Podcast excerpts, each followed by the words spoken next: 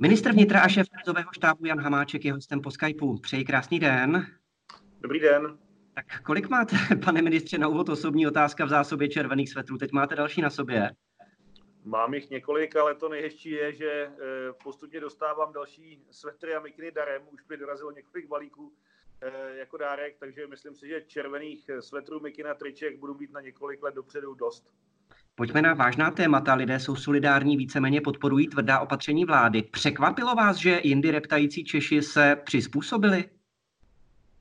Mě to ani nepřekvapilo, protože eh, to je taková dobrá vlastnost eh, českého národa, že když je eh, klid a nejsou problémy, tak různě nadáváme, stěžujeme si a když dojde na nějaký problém, ať to jsou povodně nebo teď vlastně ta epidemie, tak ten národ je schopen držet při sobě. Takže mě to nepřekvapilo a jsem za to strašně rád. Jak si eh, podle eh, vaší představy máme teď v tuhle chvíli představit postupné uvolňování opatření? Řeklo se po velikonocích, máte nějaký jako krizový štáb a vláda harmonogram, co by mělo být první, pak druhé, co by mělo být to poslední? Já jsem strašně opatrný s nějakými sliby, protože eh, ta čísla vypadají dobře. Ukazuje se, že ty mezidenní nárůsty klesají. Rozhodně nejsme na nějaké skluzavce do Itálie nebo do Španělska nebo do Spojených států teďka ale rozhodně to není něco, eh, že bychom měli jásat a už plánovat, eh, jak to bude všechno uvolněno. Eh, samozřejmě je tam nějaká sekvence, co se dá uvolňovat.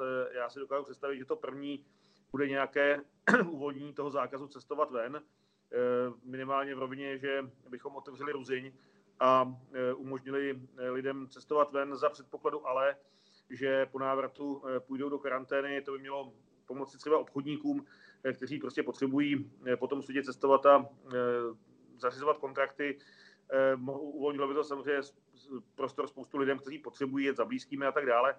To je asi to první, co by se dalo udělat. Pak se dá hovořit o nějakém postupném otevírání malých obchodů, ale zase s velkým ale, pokud se ta situace nezhoupne a bohužel ta zkušenost z Ázie ukazuje, že ten virus je velmi zákeřný a, a umím překvapit. Takže já chci všem poděkovat za to, že dodržují ty nařízení, že i díky nim a tomu, že tady panuje ta disciplína, tak eh, je to vidět na počtu těch eh, případů a jsme na tom podstatně lépe než některé státy na západě. Nicméně nemůžeme vyloučit eh, nějakou změnu nebo nějaké překvapení a já nechci za týden tady stát před lidmi říkat, promiňte, já jsem vám slíbil něco, co nemůžu splnit.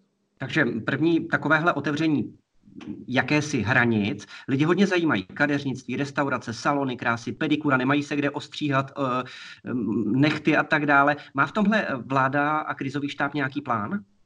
Eh, určitě, já jsem hovořil o těch malých obchodech, u těch služeb eh, je to problém, já, já dostávám spoustu e-mailů a zpráv například od kadeřnic, které mě prosí, abychom vlastně mysleli na to, že Eh, oni, když, když, když pracují, tak jsou ve velmi blízkém a dlouhodobém kontaktu s tím, tím člověkem a tam já to riziko vidím velké a představa, že mě eh, stříhá eh, kadeřnice ve štítu a v respirátoru, nevím, jestli je to, jestli je to vůbec možné. Takže tam je potřeba zvažovat i tato, tyto aspekty, ale znova říkám, ještě chvilku je potřeba vydržet. Já vím, že je to nepříjemné, že, že je to zásah do, vlastně do života, do, do mezilidských vztahů, ale funguje to, tak to teďka nemůžeme zkazit.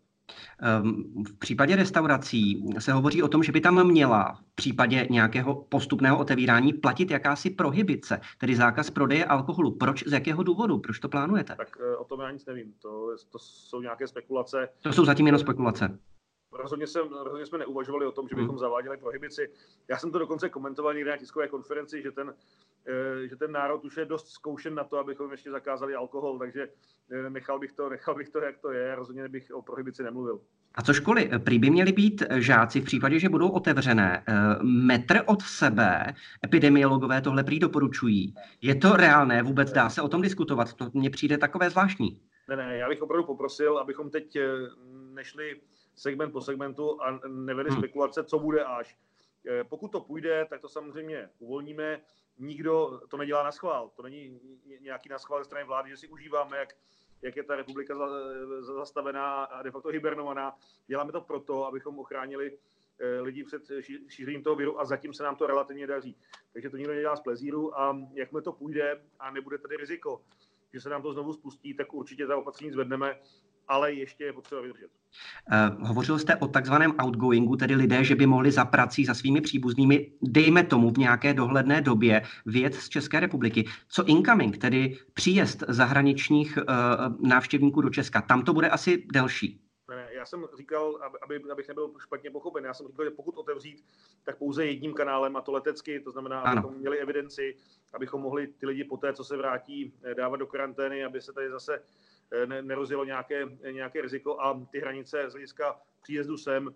Eh, to paradoxně z mého pohledu, a nechci nikoho strašit, už to tady párkrát padlo, lítali ty dva roky, to rozhodně ne, ale v, v té hypotetické situaci, že Česká republika to zvládne, ta situace se nám tady zlepší, aby začneme uvolňovat ta opatření a v některé sousední zemi eh, ta, ten virus bude řádit, tak samozřejmě nemůžeme eh, ty hranice otevřít, protože to bychom znegovali veškeré naše úsilí. Takže ty, ty, ten režim na hranicích, který já vidím ještě na nějakou dobu, do doby, než eh, i to okolí bude bezpečné.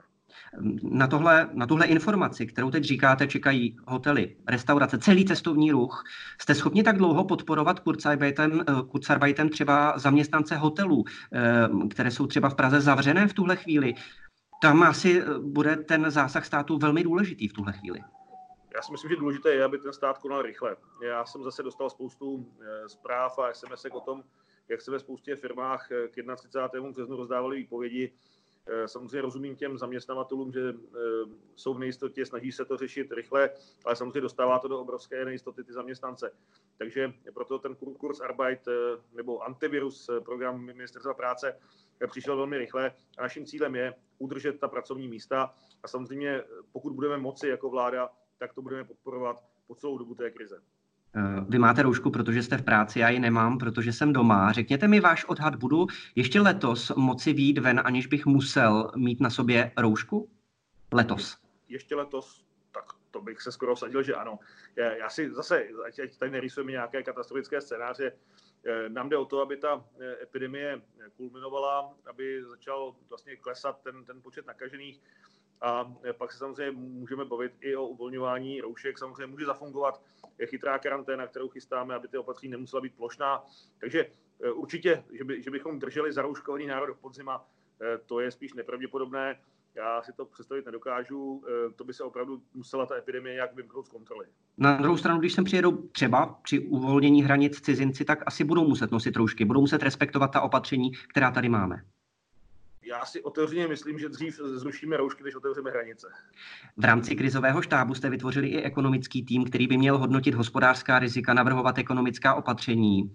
E, několik let jsme teď zažívali období nepřetržitého růstu, nejen hospodářství, životní úrovně, rostly platy. Podle toho, co vám ekonomové říkají, za jak dlouho se dostaneme podle vás do stavu, ve kterém jsme byli před koronavirem? Už takovéhle diskuze teď v rámci toho týmu e, fungují?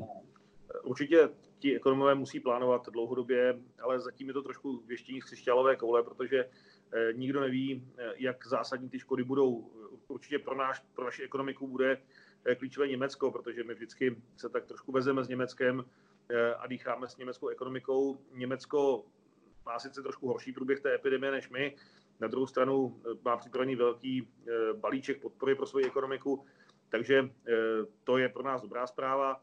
Eh, uvidíme, co to udělá se Spojenými státy, eh, protože tam to vypadá na velmi vážný zásah do ekonomiky a obecně do fungování Spojených států. Takže vlastně uvidíme, co to, co to udělá se světem, jestli se náhodou trošku nepohne nějaká geopolitická rovnováha. Ale teďka říct, kdy budeme zpátky, my teďka horko těžko odhadujeme, kolik bude propad HDP. Pokud by se hmm. naplnilo to, že je to 5%, no tak uh, asi bychom byli schopni to v horizontu jednotek let se, se, se na ta čísla vrátit, ale Eh, určitě to bude rána a eh, ta republika už bude jiná, než, než byla před eh, koronavirem. Na druhou stranu všechno zlé pro něco dobré. My jsme se bavili o tom, jak využít tu situaci například k modernizaci průmyslu. Já si myslím, že teď se do popředí dostávají ty nové technologie. Konec konců vláda dneska jedná po e, internetu, respektive videokonferenčně.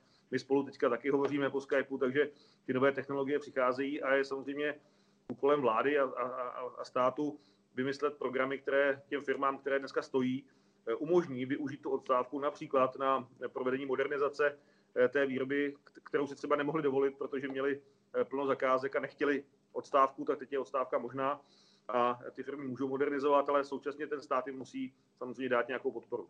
Teď v závěru našeho povídání několik stručných telegrafických otázek i od našich čtenářů, protože ti se ptají. Byl ten, komu vyhrožovali z krizového štábu Roman Primula? Bez komentáře. Eh, lidé se ptají na řadu očekávaných kroků po celé krizi. Platí slib vlády pro učitele, že průměrný měsíční plat učitele na konci volebního období bude 45 tisíc korun a průměrný důchod 15 tisíc. Lidé se bojí, že o to přijdou.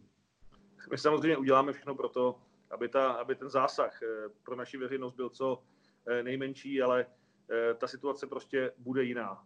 Tyhle, ta, tyto cifry padaly v době ekonomické konjunktury, ale zase já nechci nikoho strašit, že, že někomu budeme eh, o, o desítky procent sezat platy, určitě ne. Uděláme všechno pro to, aby, eh, aby, abychom zachovali ten, ten životní standard eh, v České republice a ta vláda je připravena udělat maximum možného. Plánuje krizový štáb další otázka zvýšení daní? To není otázka na krizový štáb, to je otázka na vládu. Krizový štáb ten řeší vlastně krizová opatření, ta krátkodobá, to znamená distribuci pomůcek, metodiku a tak dále ale toto je na vládu a bude na vládě, jak, jak, jaký mix eh, těch ekonomických opatření zvolí. A mimochodem k tomu má sloužit i ten odborný ekonomický tým. Právě proto se ptám. Aby, něco doporučil. Takže rozhodně to nebude jenom o tom, že by někdo buď snižoval nebo zvyšoval daně. Eh, bude to, být, bude to muset být nějaká kombinace a bude podle mě ten, ten balíček podpůrný pro ekonomiku eh, bude muset být v řádu několika stovek, možná nějakých 900, možná ještě víc miliard, protože eh, to, bude, to je něco, co asi bude schopné tu ekonomiku rozhýbat. Když se podíváme do Spojených států, tak to, co odsouhlasili v kongresu, tak je vlastně objem peněz, který je 25 násobek eh, hrubého domácího produktu České republiky, takže bavíme se o takovýchto číslech. Právě proto se ptám, jestli třeba zdanění bank, o kterém ČSSD hovořila dlouhodobě, jestli teď nepřipadá v úvahu v téhle krizové situaci. Tak rozhodně ne teď, ale v rámci potom rekonstrukce, určitě se budeme muset podívat eh, na to, zda eh, ta vzájemná solidarita je dostatečná, nebo zda ji ještě posílit. Je podle vás reálné, že by vláda přispěla lidem na dovolenou v Tuzemsku, aby rozhýbala ekonomiku? To je hm, podle mého názoru jeden z možných cílů. No, my jsme o tom hovořili, eh, pak jsme tu debatu zastavili, protože byly aktuálnější problémy, ale určitě pokud se ukáže, že lidé nebudou mít moc možností cestovat ven, tak by asi stálo za to, abychom je motivovali, aby tu dovolenou hm, strávili v České republice a tak podpořili eh, český, eh, české hoteliéry a česká zařízení a pokud tomu nějaký vládní stimulus pomůže, tak proč ne? Poslední otázka. Hodně se teď hovoří o tom, jak se promění život po koronaviru v České republice, ale možná po celém světě. Ono to bude velmi globální. Jaká bude Česká republika, nebo jak jiná bude Česká republika, jak jiný bude život v České republice po této krizi, podle vás? To je strašně těžké chtít uh, odpovědět od člověka, který takovouhle krizi nezažil. Uh, to možná byste se, bychom se měli zeptat těch, uh, kteří prožili druhou světovou válku jak, a, a řekli sami, jaká, jak se změnil jejich život před válkou a po válce. Tím to nechci srovnávat, ale za mě platí to, že ta krize je asi největší bezpečnostní výzva pro Českou republiku od druhé světové války. Říká ministr vnitra, šéf krizového štábu Jan Hamáček, který byl hostem po Skypeu. Díky moc, mějte se hezky a Hodně štěstí, nashledanou. Děkuji, nashledanou.